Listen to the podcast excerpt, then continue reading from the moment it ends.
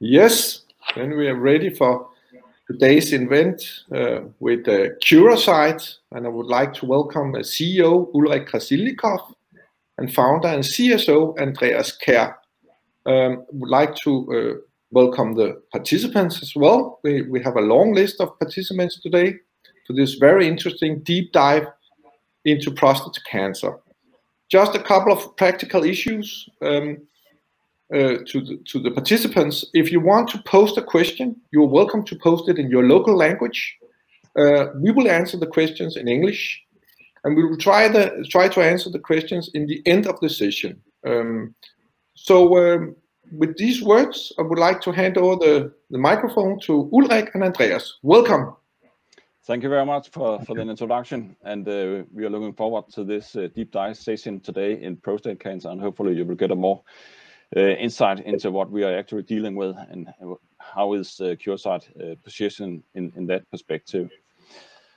First of all, we have a disclaimer about the forward-looking statements. It's for your own assumptions.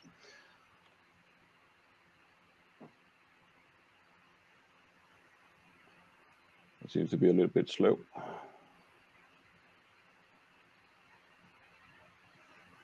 It is. First, some highlights uh, as we are getting new shareholders every day, which we are of course very happy about. Just to give you an idea of what is Curasight. Uh, first of all, we are a Danish clinical phase two company founded back in 2013 by Andreas and some from his uh, research group. It's based on more than 10 years of research at Rigshospitalet in Copenhagen.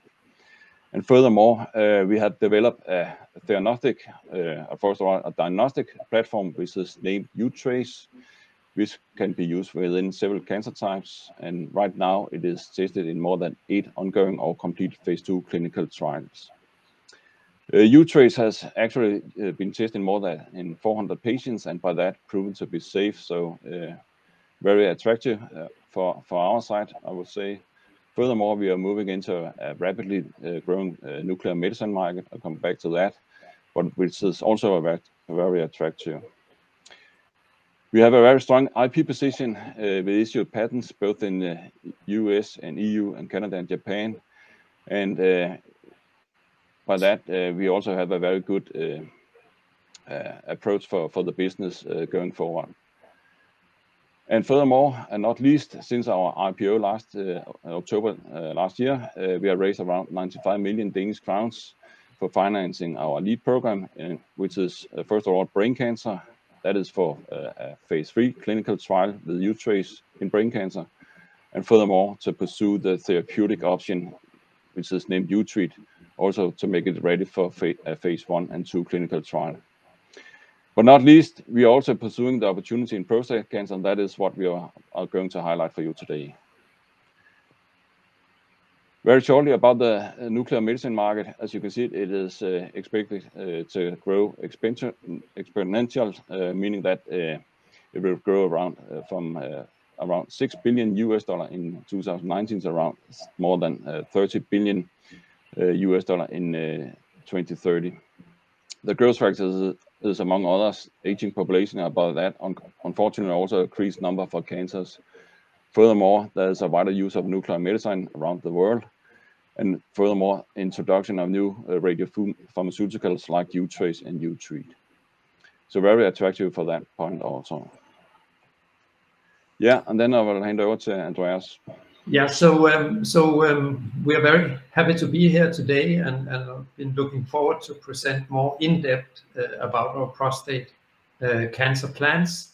But it should uh, be reminded also maybe to new shareholders that uh, that the trace and also uTreat theranostic uh, platform is a platform, which means that it it it works and it's tested across cancer type. So um, so that's quite unique. A lot of a lot of other technologies they are going for a target only expressed on one can, uh, cancer type but UPAR is expressed across most solid cancers. And for, and for this reason, uh, a, a, relatively broad program of testing, Ulrik mentioned 400 patients in total, have been tested more than 400, but these patients actually are divided up into uh, the eight studies we show here under, uh, under the diagnostics. And what is highlighted here is what we are going to talk about today, that is prostate cancer, but just to mention that, that there are several other cancers. The other uh, cancer type is brain cancer that will be covered at, at another event. Uh, and then as some of you might have seen in, in um, in the news flow that very recently the investigator-initiated study in head and neck cancer with positive results was also uh, published. And this is, of course, a thing in Curasight that we are now evaluating uh, to see if that's worth to pursue. But but just to say that prostate cancer is just one of several um, applications we are pursuing. Uh, then uh, down here, uh, we will not cover that so much today, but it should be mentioned that uh, on the academic side, it has been shown that you uh, treat, which is the therapeutic counterpart, um, is uh, has in fact been tested in prostate cancer, and it works also there. But uh, but what we will present today is mainly on uh, on the diagnostic part on the imaging part uh, where the program is uh, most advanced. Andreas, could I ask you a small yeah. question just in, in, the beginning to get a fully understanding of, uh, of the diagnostic side? Uh, yes. Is UPA always a biomarker on cancer? Yeah, it's it's UPAR. Uh, it, it's a very good question, and it's actually been studied uh, not with our technology because that's new, but biopsies taken from tumors more than 200 uh, uh, publications have actually emerged on that. So on most on most solid cancers, it's expressed. The level it expressed to, and I come back to that, reflects how aggressive the cancer is. So like an aggressive cancer like brain tumor, uh, glioblastoma, uh, it's almost uh, always there. In prostate cancer, that can be very aggressive and not aggressive that's actually what we are taking advantage of, that, that we can see based on how much UPA is taken up, uh, whether it's active uh, or not, how aggressive it is. But, but to make it short, uh, on solid cancers, and I'm talking about because there are also leukemias, that's a different thing. Mm. but, but solid cancers that makes up uh, almost, uh, yeah, the, the very large majority of cancers, they do express UPAR most of them. And, and it is a marker of aggressiveness. So the ones where you would like to go in and make therapy based on UPAR, uh, they they will almost always have UPAR because if if UPAR is not expressed, then the cancer is probably less aggressive and it's not so important uh, to treat it aggressively. Okay. Yeah, that is the unique thing. So we normally say that it's it's rather cancer specific, but it's not cancer type specific. And of course, that that opens up uh, a lot of possibilities uh, to utilize the technology. Thank you. Yeah. So uh, on the next slide, uh, just to go back to, to UPAR, which is an abbreviation of urokinase type plasminogen activator receptor, uh, and, and it is uh, a, a, unique bio, cancer biomarker and uh, it's actually not just a biomarker, but it's a system, a so-called proteolytic system that breaks down surrounding tissue. And this is why it's linked to aggressiveness. So if UPA is highly expressed, you have a tumor that can spread. It can break down surrounding tissue. So uh, I, I, actually like this very much because it's not just an epiphenomena. It's not just a thing that when a cancer is aggressive, then it happens to be highly expressed. It's actually the reason, one of the reasons for the cancer being uh, aggressive. And for this reason, it's also more expressed at the parts of the cancer that is most aggressive. So the, the border to normal tissue, the so-called invasive front, that's where it's particularly uh, expressed. And this this is uh, this has some uh, interesting uh, possibilities because if we and and we are not talking so much about that, but uTreat is basically local radiation therapy, where you bring in radiation therapy as an injection and then it seeks uh, to the tumor and it sits there and irradiates with very short range uh, radiation therapy, then the, it will particularly sit in the most UPAR expressing parts of the tumor. So you get an intelligent distribution of the therapy. Uh, the higher the UPAR level is in part of the tumor, the more radiation it, it will give, not just an even distribution over the whole tumor. Uh, this is called dose painting. So that also gives the potential that such a technology can work very efficiently without giving a very, very high total dose because the dose is delivered not only to the tumor, but in the right way uh, inside the tumor, uh, it's distributed. So, so that's why we uh, we really are so fond of using UPAR uh, as a target. And then uh, we here it says no expression. That's not true in biology, but the expression in normal tissue is low. Uh, nothing is is absolute, but uh, but sufficiently low so therapy can be uh, directed towards uh, UPAR. So, uh, so with this system, uh, I, I, explained previously that UPAR is a marker of aggressiveness, and that's known for biopsy studies. The higher the UPAR level is, the poor, poor the prognosis of the patient. So this is not a thing we basically need uh, to prove. But what we have done is that we have taken uh, measuring uh, the possibility of measuring it into imaging because then it becomes non-invasive and you don't have to take biopsies. Uh, and and this is uh, this is very important. So we now have a tool where we can see how aggressive a cancer is.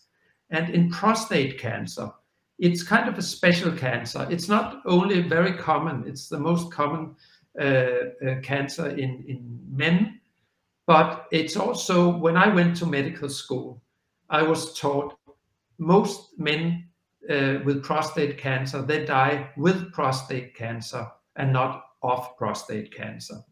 And this is correct for approximately 70% of patients.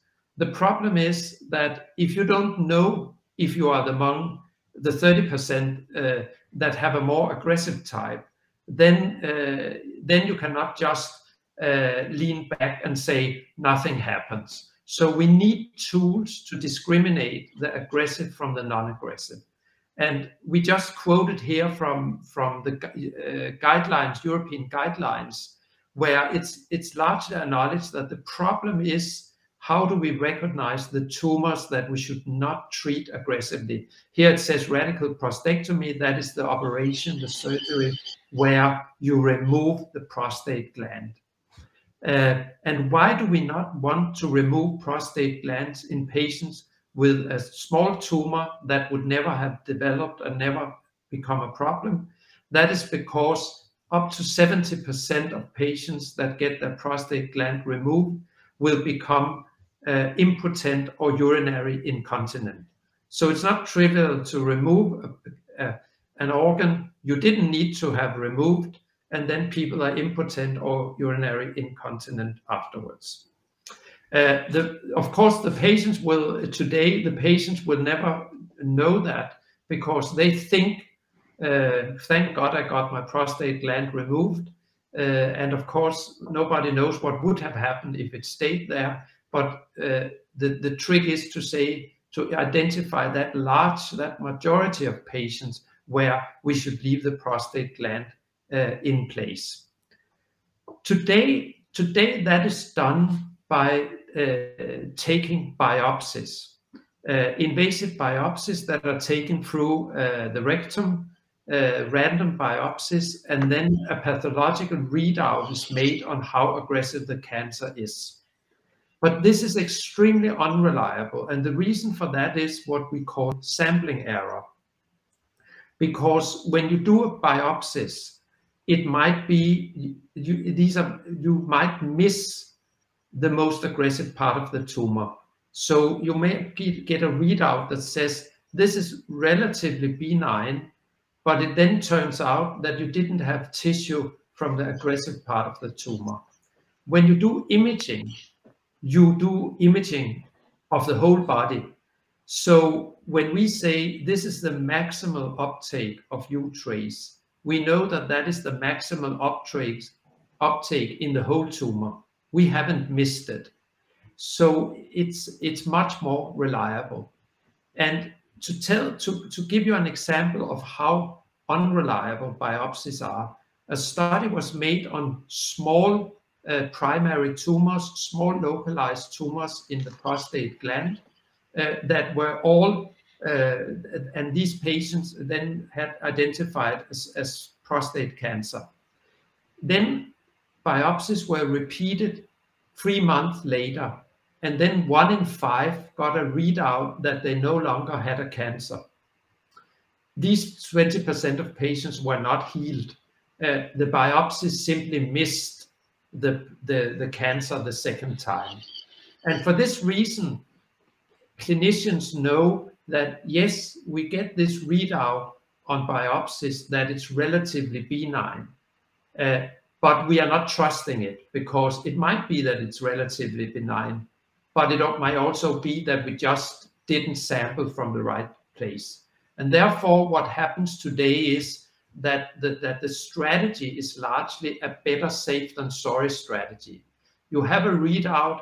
In essence, it's it's indicating that it's relatively benign, but who knows? So we better remove the prostate gland because then we are sure the patient will not develop an aggressive cancer.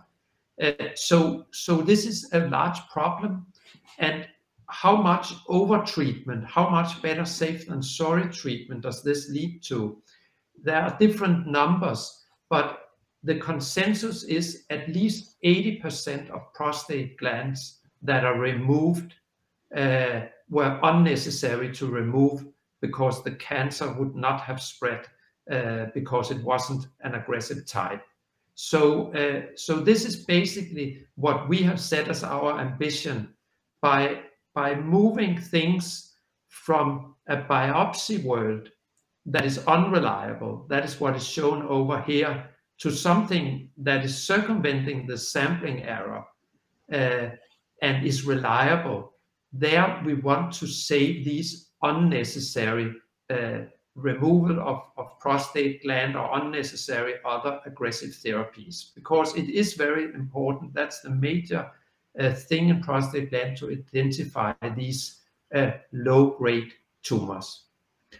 Uh, so, so this is basically instead of this, then we do this.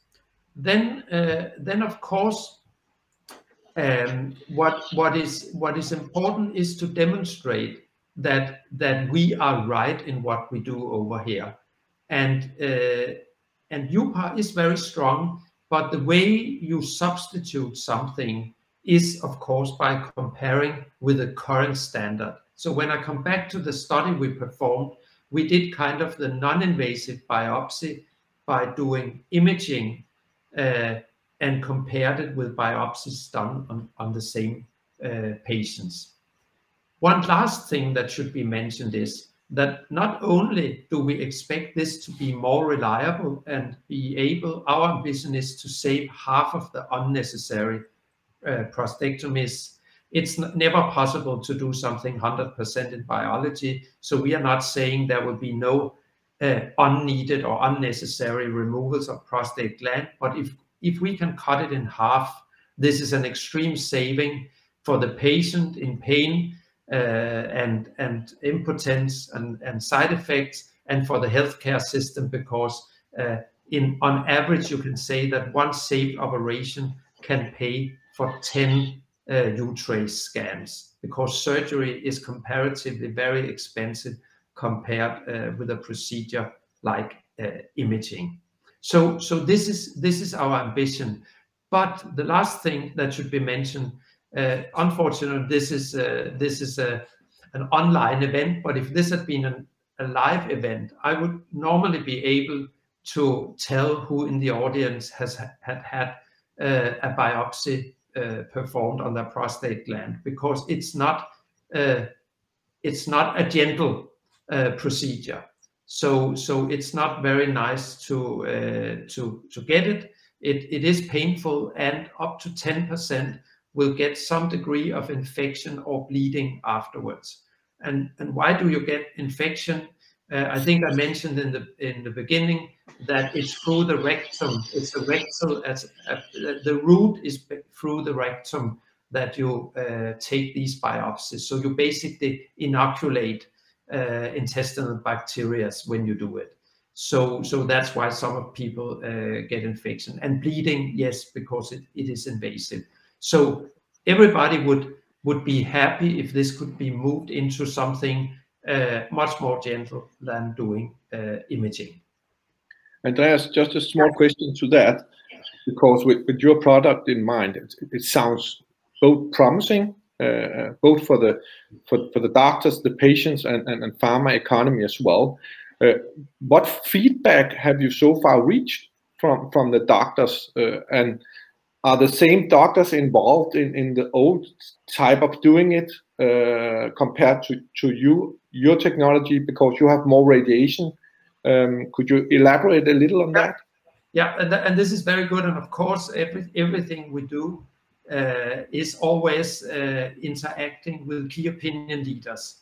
Uh, and of course some of them also were investigated uh, in were also involved in investigator initiated study the feedback is, uh, and that's why I took the quotation from, from the guidelines, uh, it's acknowledged uh, very broadly that uh, the, the, the procedure with removing, uh, for better safe than sorry reason, all those many prostate glands, that's a thing that, that the ones that do the procedures also want to get rid of because it is it is it is difficult for them to do something they know they know that that only in in in the majority or in the minority of the operations they really save patients from from a cancer that would have spread.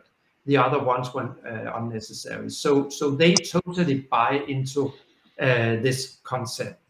Then then the question of course is with the stakeholders. And and to be honest of course in particular in the US there might be economic incentives that make stakeholders uh, not act optimally.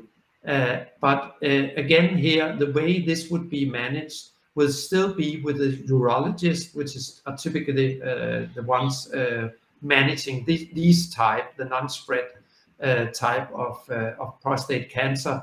And they would simply refer to the scan. They would get the scan and, and kind of have that measurement just as if it were blood samples or other things. So it stays it's not getting out of their hands. So the workflow, the main workflow of the patient will remain uh, at the same site. So, so this is a, this is a big advantage, not having uh, resistance from the stakeholders that should uh, eventually implement it. So I would say the, the buy-in uh, to this concept is not a thing, I would say that, that we in at any time have seen any uh, resistance towards that. That's, I mean, what basically is said is if this if this can deliver what you hoped for, if this is a non-invasive biopsy to tell with higher uh, certainty, is this aggressive or not?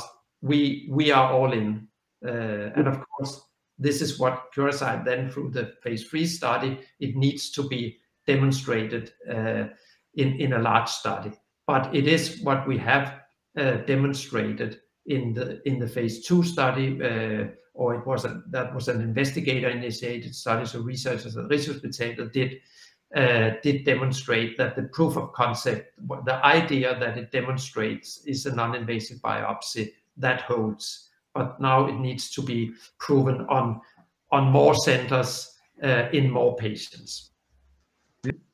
Are you going to elaborate a little on how many centers you're working with uh, during your phase three study later on or, or, or, yeah we can discuss that. We are i mean we we we have uh, centers where we we have i would say have pre-discussion. That's basically the clinicians we know. The, the the design of the phase three study is something that 22 is used for. And interaction with those centers we have our wish list and we also have good friends Uh, at different departments that already, as I said, people are excited. So many people already approached us and said, if this is running, we would be uh, happy to be one of the centers. But there's also uh, a strategic view on it, where where you want to, in which countries you want to include. And I mean, if if very many centers want to be included, it becomes also very difficult to manage. So it's a trade-off about how practical it is, the exact size of the study. So so I would just say it will be uh, more centers. It will be centers, uh, as we plan for now, on both sides of the Atlantic uh, Ocean. And and and we will not make it extremely many centers.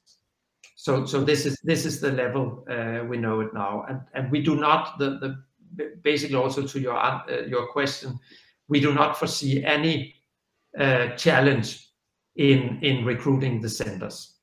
Uh, and of course, recruiting patients in this kind of prostate cancer, which is the which is basically patient that come in, it has newly diagnosed.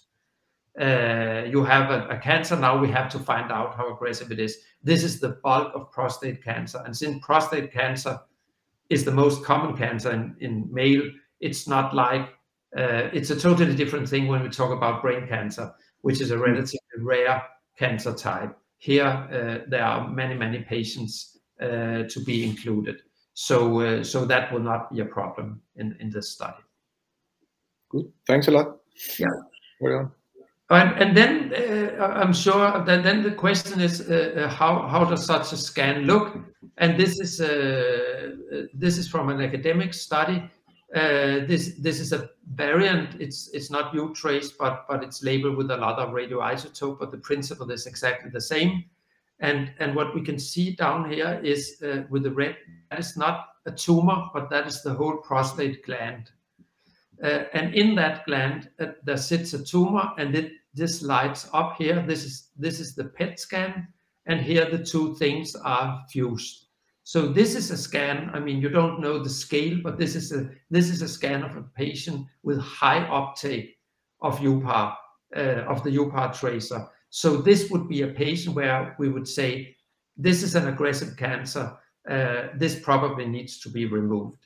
It might be easier to see on on the next slide that that here you have two patients uh, coming in in the study in the same way, and here we have one uh, where there's little uptake, and here we have one where you can see this yellow area with high uptake. So the idea is, although these patients are very much alike, uh, when you look at them with biopsies and other type of classic imaging, Uh, MRI, for instance, then the idea is that with with uh, with uTRACE, we would be able to make a cutoff to say, "This is a patient that goes for aggressive therapy, maybe removal of the prostate gland.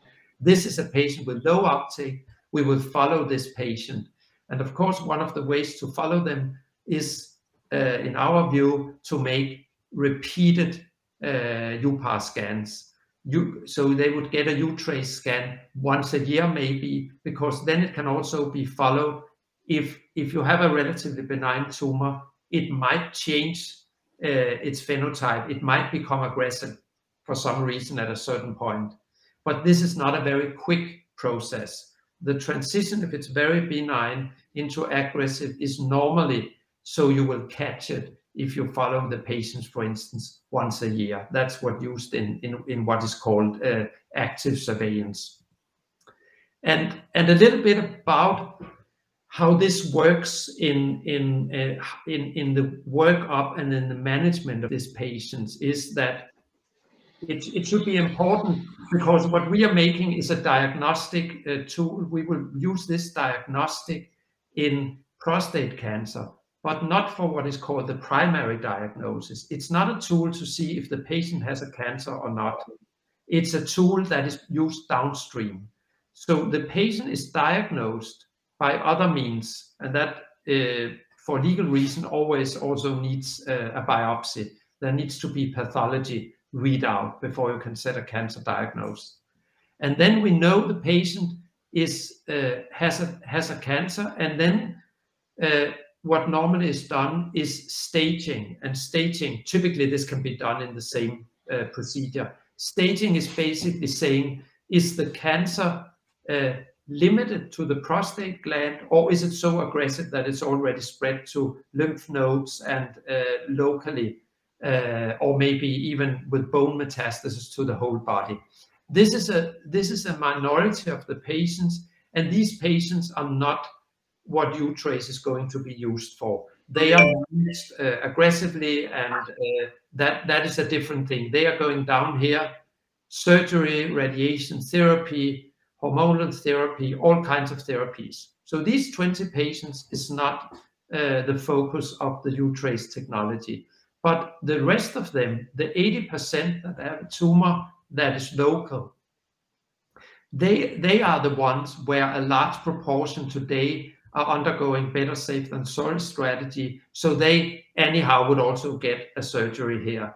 What we suggest is that we can take a lot of these patients and then we can do uTRACE scan. And those that are not uh, high in uTRACE, they will be followed in what is called active surveillance. The ones that have a high level, they will then go down for aggressive therapy. And the ones that stay up here, and that is, remember, the majority of the patients, they will then get repeated uTRACE scans.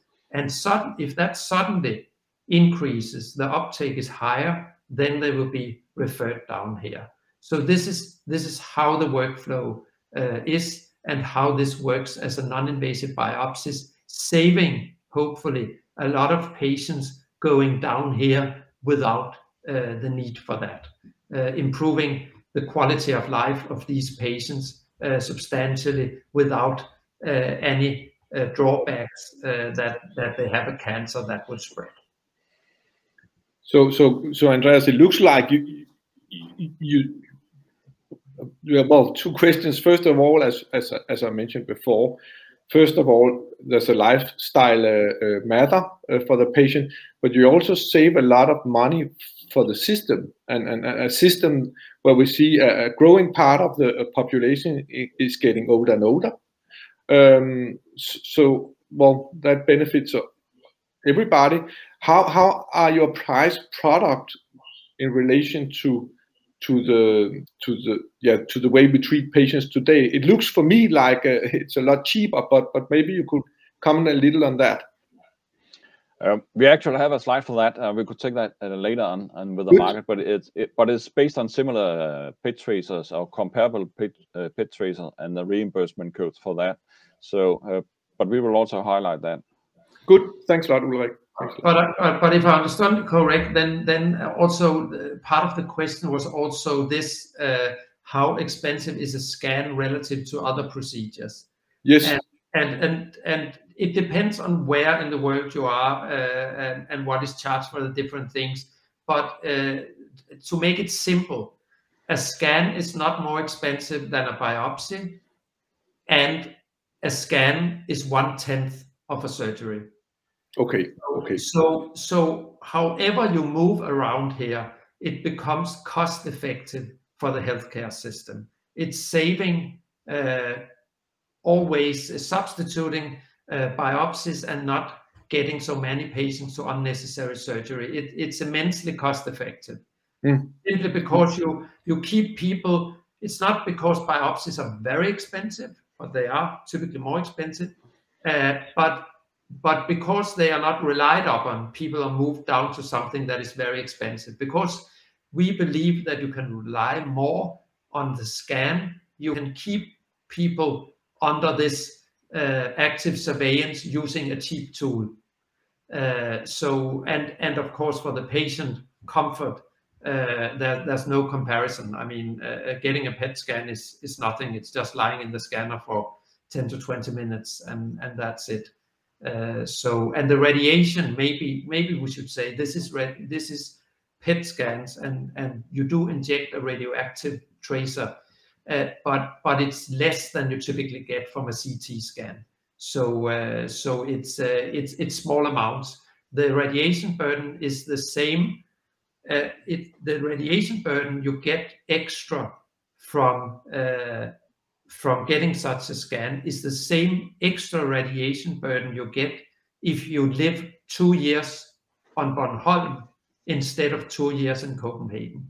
So the Okay. difference in background radiation uh, in two years will sum up to the same extra as you get here, and uh, and people live happily uh, on Bornholm. So it, it's really uh, nothing uh, on radiation, if, if that's a concern. Also not for these repeated scans. Typically CT scans uh, give a higher, uh, depending on where in the body you do the CT scan, but CT scan of, of the abdominal region uh, will typically deliver the same or a higher radiation burden. So it's not a thing normally that, that people are yeah, afraid of.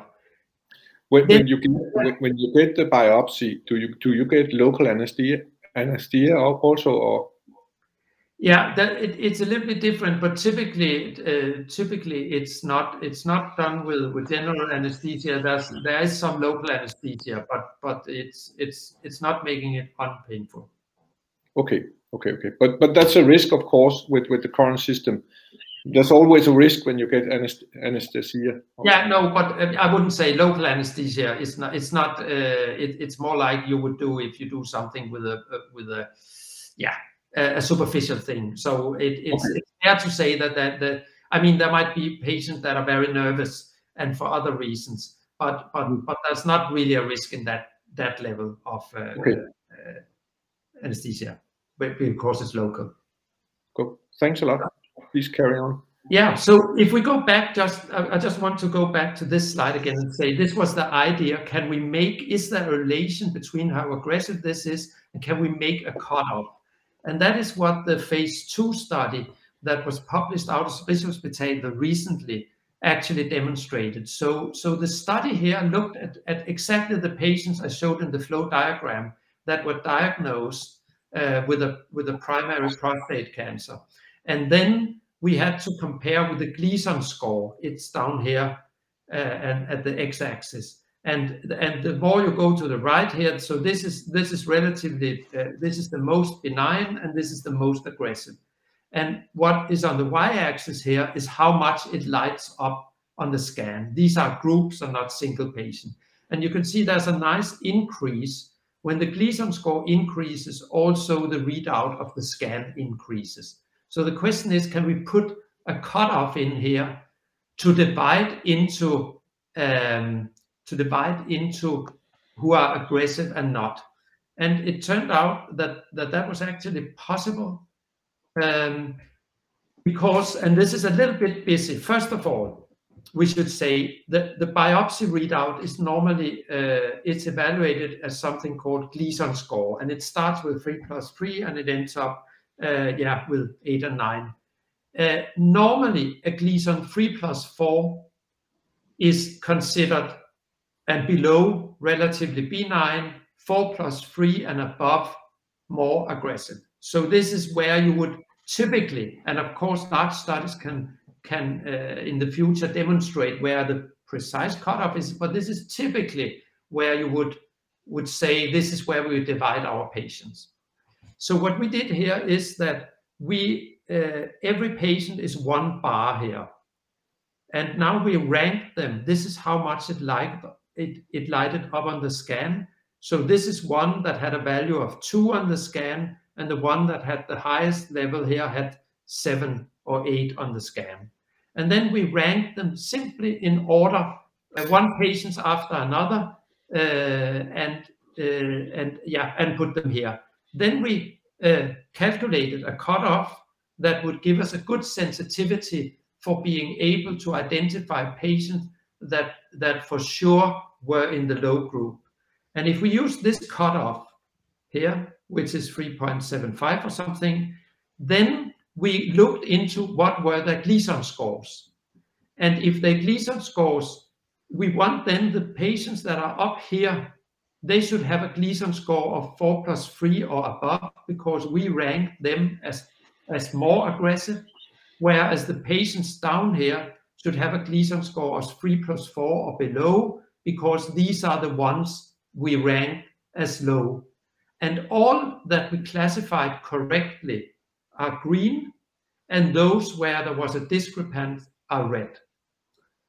And what did this show? Now you might think, well, there are some reds. Yes, but this is how it works. The important thing, what we want to obtain is that there are almost no reds down here because these are the patients we say they have a low risk. We just watch them. We do nothing. You don't want to overlook patients that indeed have an aggressive cancer. The reason we have some red up here is because, as we said, we are not thinking that we can remove all unnecessary um, uh, prostatectomies. But if we can cut it in half, we achieved a lot. So the patients that are red up here, the majority of the red bars, are patients that were classified as more aggressive, but on the biopsy was indeed uh, deemed not so aggressive. So, so these would be, uh, we didn't save these from the operation. But the question is, having told you that the biopsy is extremely unreliable, if I was one of the red bars here, where the scan said you are aggressive, but the Gleason score said it doesn't look so aggressive, I would still have it removed. Because remember what I, what I said about the reproducibility of the uh, Gleason score of the biopsies. This may be somebody that had an aggressive part of their tumor, but that was not biopsy. But this, of course, we cannot know because we only have the biopsy readout. So this is speculative. But the, but the main results of this study is that we can, with very high confidence, identify a group of these patients uh, that have low uptake on the scan and also on the biopsy were low. So we can remove this part out of aggressive therapy and follow them. So, so this was very encouraging. And basically, our phase three study will be based on an upscale, upsizing of this study. We will, uh, of course, take full uh, learning from, from the study we did, and we will add something and streamline it because it needs to be done in different centers. Uh, but, but in essence, the phase three study will be a study with probably, this was 27 patients, it will probably be a study with 300 patients, uh, but basically following the same. Then you can get much more exact numbers on uh, on how well it works. There's a there's a short, small question here from from one of the participants regarding your phase three study.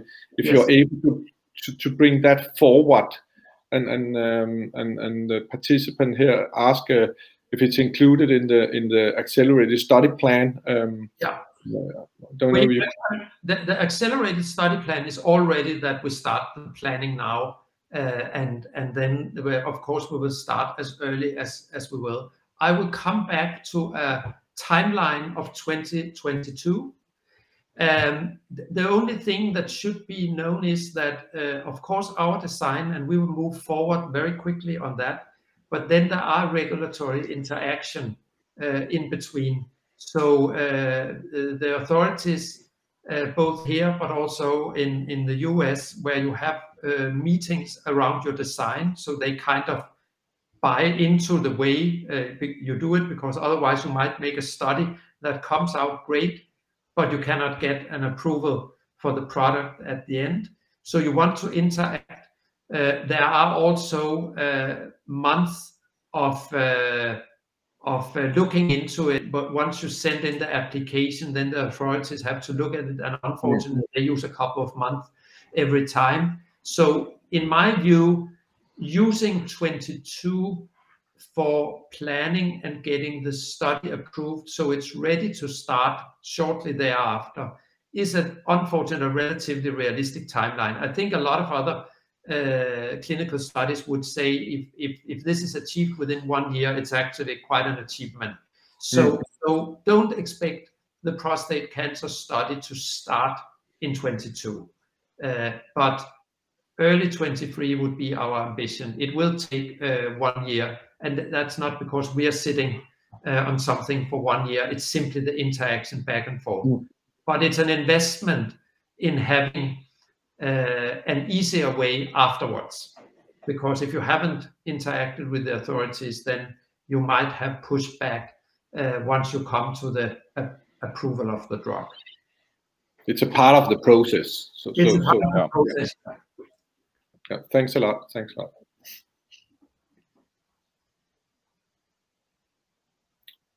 Um, yeah. there's there's a couple of small questions here. Should we post some of them?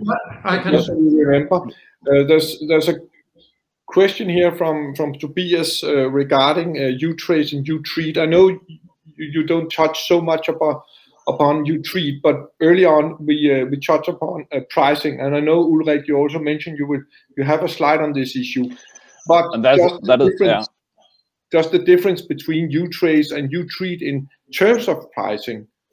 Um, Yeah, in, in general, you, you could say that the treatment options or uTREAT is is a totally another game than uh, imaging. It's a, a, a- another uh, price track, and I can uh, just mention the, the the track we have with, within the brain cancer. Uh, there we have the reimbursement code for uTRACE around uh, 3,000 euros uh, per per scan.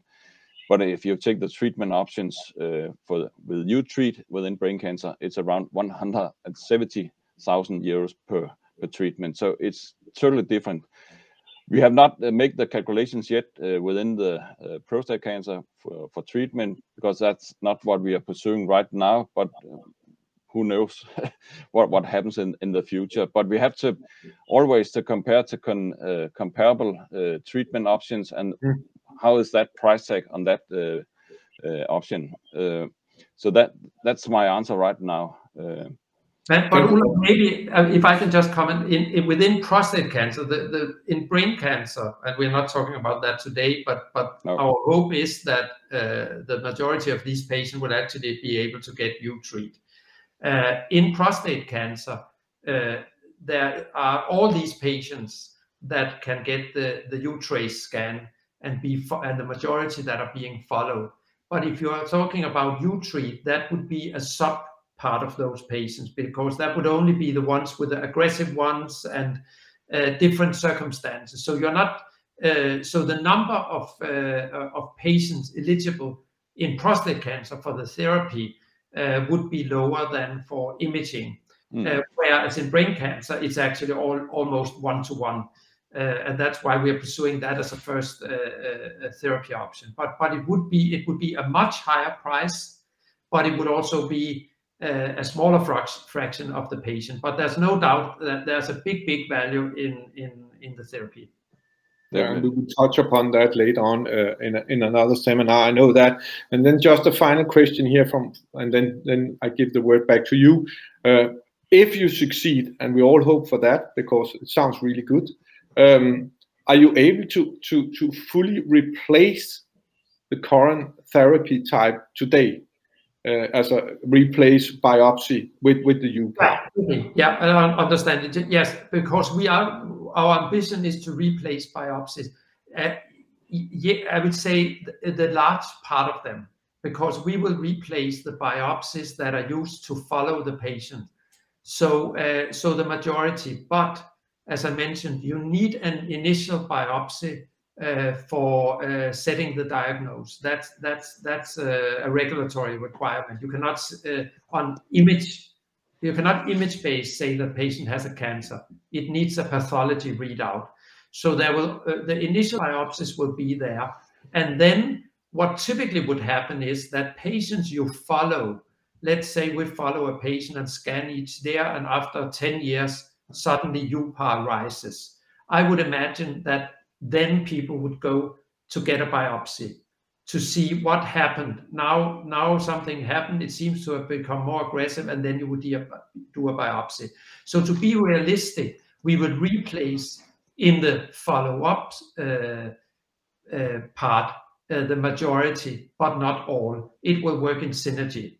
Uh, Yeah. But not like you will do both things. You will follow with uTRACE. That's what we uh, envision. And then once something happened, you would need a biopsy again, as you need an initial biopsy. Thanks a But lot. I think, but I think we will do more than biopsies we are replacing, because replacing is more invasive, not so nice. So I think that more patients would actually follow that they are checked once a year by a scan. Uh, I would, uh, in many cases, the patient would not undergo a biopsy every year. Uh, so, so it's not only replacing, but it's actually also adding and making it safer for the patient uh, to- to be followed if, if the meth- method works at, as we expect. Yeah. Thanks a lot. Please carry on. Yes, and this is just to give you an idea of the market size, potential market size when we look at imaging only in prostate cancer. And this is based on the that we have around half a million new cases each year. And this calculation is based on that only one patient get one scan and the uh, different uh, price tags, uh, which is stated in the US compared to the EU. It's higher in in the US, in EU. So around 1 billion euro annual, only based on one scan. Normally, each patient will get four to five scans during the treatment of the prostate cancer. So this is a very conservative calculation. Yeah, and then then then just a little bit about the theranostics uh, uh, concept, uh, although we are not really covering it heavily today, but it's the idea is theranostic is is is a combination of therapy and diagnostic. And the idea is that you have the same compound. We have a peptide, which is which is a small compound that binds to UPA in this case. And then you can have a version that is for imaging and one that carries local radiation therapy uh, that that has a range of one millimeter in our case with lutetium. Uh, and and what is the trick? The trick is that, uh, first of all, you can inject the radiation therapy and it goes to all the tumor cells that express uPAR, also the ones you, you didn't know are there. So it's much more elegant and possible also to treat people with disseminated disease. But you also, by making, in this case, uTRACE first, you know that your therapy gets there because many therapies are not getting access to where it is. So if we had uTRACE in, we can see that the uh, the tumor takes up uTRACE. Then we know when put in uTREAT that it goes in exactly the same place. Uh, and in theory, if a patient uh, was not lighting up uTRACE, then there's no no no reason to try uTREAT because it is the same compound, just loaded with two different types of radioactivity, one for imaging and one for therapy. So that's that's the elegant concept and and the way of precision medicine. You you only treat the patients that are likely uh, to be uh, successful. So so we get higher uh, success rates. And and this is what our platform is about. This is uTRACE, that is the diagnostic part, and uTREAT. Uh, and every time we do imaging studies, we learn something about the potential for for doing therapy because if we have a cancer type that takes up uh, in the tumor and the aggressive ones have a higher uptake, then it would also be a possibility to come in with uTREAT and test whether uh, whether that works. uTREAT, will it be a complement to the existing uh, treatment where you where you uh, uh, remove the glands, or would it be you know yeah. your plan to? I I think I think it's fair to say that we are not not yet. That's why we do not have a therapy here in this case yet. So that needs to be positioned in the right way. And almost any type of cancer therapy is combination therapy. So uh, it normally will work in synergy. What it typically will replace is other types of uh, radiation therapy. Uh, or even in in prostate, it could potentially also replace other types of therapy. But in brain cancer, for instance, without covering that too much now, the the idea is to replace the external radiation therapy that most of these patients get. And that is not very effective or it's not effective at all because it's uh, it's not reaching those islands of tumor cells that are not in in the in the big tumor. Uh, so so you cannot irradiate the whole brain. You need something that seeks there by itself. Hmm? Thanks a lot. So we are close to uh, the end, but I think we should take a couple of questions. So do you want to take the last slide, Ulrich? Yeah, Um, I'll say we have another slide, but this is just to sum up that we are trying to replace, uh, uh, I will not say unreliable, but we will uh, come up with a more reliable solution, which is beneficial both for the patient and the healthcare system, meaning that it should be a win-win for all parties. Yeah, and maybe we want to comment this as the last thing and then take because this is this is what what we already uh, pointed uh, to that that we see 22 as an extremely exciting year uh, for Curasight, and that is because uh, there will there will be results from several of the investigator-initiated studies in in brain. Uh, now we originally had that uh, the third indication would also come, but that already was published, as you know here, prior to what we promised uh, in head and neck cancer where it looked uh, promising, and then there will be a fourth indication also coming up, uh, one of the investigator-initiated study. And at the same time, on the therapeutic side, uh, we are developing and testing on, on preclinical models, uh, animal models, but with human tumors, and those data that will form the basis for a clinical trial in therapy will also come uh, during 22. So, so we see 22 as a yeah, very very packed uh, year with, with news and and also as you can see here to the question previously in Q4 we hope to be able to submit uh, the protocol for the prostate study. Good. And then let's take some questions here. Uh, so so uh, I know you are coming with a, with a strategy update uh, sometimes in 2022. I think you promised first quarter. But but with this very promising technology platform, what what what would you would you focus on? Because it's a lot of areas and it consumes a lot of money. I know you're well funded today, but but what are your plans? Could you elaborate a little on that already, or, or should we wait for Q1? I, I could start and then you could follow up, Andreas. But I would say the main, for, uh, the keyword here is focus also, and our lead indication is still the brain cancer uh, to get the first product on, on the market. Then, of course, due to very good results that have been uh, released previously this year, then we also look at how to accelerate uh, some of the other indications, both in prostate cancer and uh, also in head and neck uh, cancer. So, uh, and of course, uh, we cannot do all the things at the same time with the funding we have right now. So funding will also be an issue we will look into, and that will be part of the strategy we will, uh, yeah, highlight for you in in Q1 next year. I think on the, on the clinical side, maybe I just, it, it's driven by unmet medical needs. So, so I mean, uh, brain cancer, because little happened to the prognosis in, in, in that very uh, aggressive brain cancer, uh, cancer type over 15 years. And of course, uh, in prostate cancer, because it is an unmet need to identify uh, those uh, patient, more patients that, that have a relatively benign disease in a reliable way. So, so that is driving it because there might also be indications where we are good at, at prognostication, but uh, the prognosis is extremely good, or there are other tools that are not uh, so so uh, bad. So it's the unmet need that really drives the indications uh, where that we would pursue.